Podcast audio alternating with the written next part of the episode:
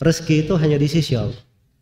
Karena itu beliau katakan fabtagu indallahi rizqa wa'buduhu washkuru lah. Ilaihi turja'un. Carilah rezeki itu di sisi Allah. Dan selalulah beribadah kepada Allah. Bersyukurlah. Hanya kepadanya kalian dikembalikan. Ini empat hal luar biasa ya. Iya. Pertama cari rezeki di sisi Allah. Ini kadang kalimat ini ini harus menjadi rambu di dalam kehidupan kita. Orang beraktivitas, bekerja dan seterusnya kadang mengharap di tangan manusia sesuatu yang berlebihan. Kadang untuk rezeki, mencari dari rezeki atau bahasa yang lain kadang dipakai oleh manusia mencari dari harta, dia kadang melakukan pelanggaran-pelanggaran. Iya. Maka diingatkan, "Fabtagu indallahi rizqa." Jarilah rezeki itu di sisi Allah. Minta dari Allah Subhanahu wa taala. Iya. Ya kalau kita jadikan Allah sebagai tempat kita untuk memohon, padanya kita berharap, nah itu baru benar.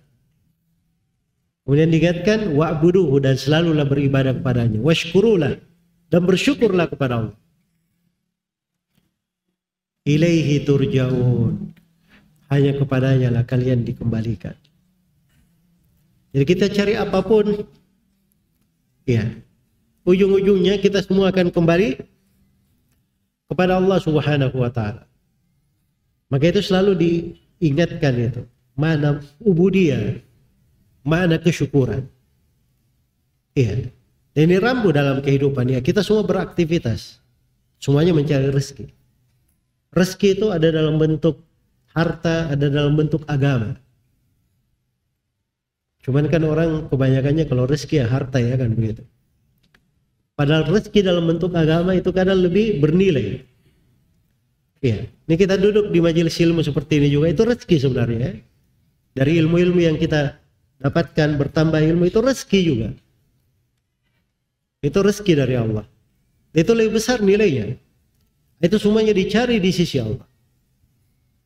Dan rezeki itu diarahkan kepada makna ibadah.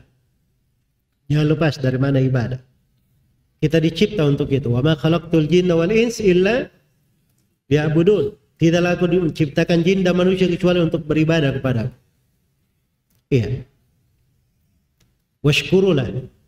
Dan banyak bersyukur. Ingat, pada rezeki itu juga ada kewajiban bersyukur kepada Allah Subhanahu wa taala dalam mensyukurinya. Di antara bentuk mensyukurinya, dia memuji Allah dengan lisannya. Ya selalu mengakui bahwa itu nikmat datangnya dari Allah.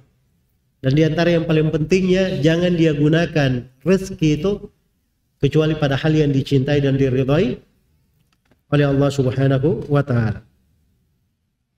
Baik.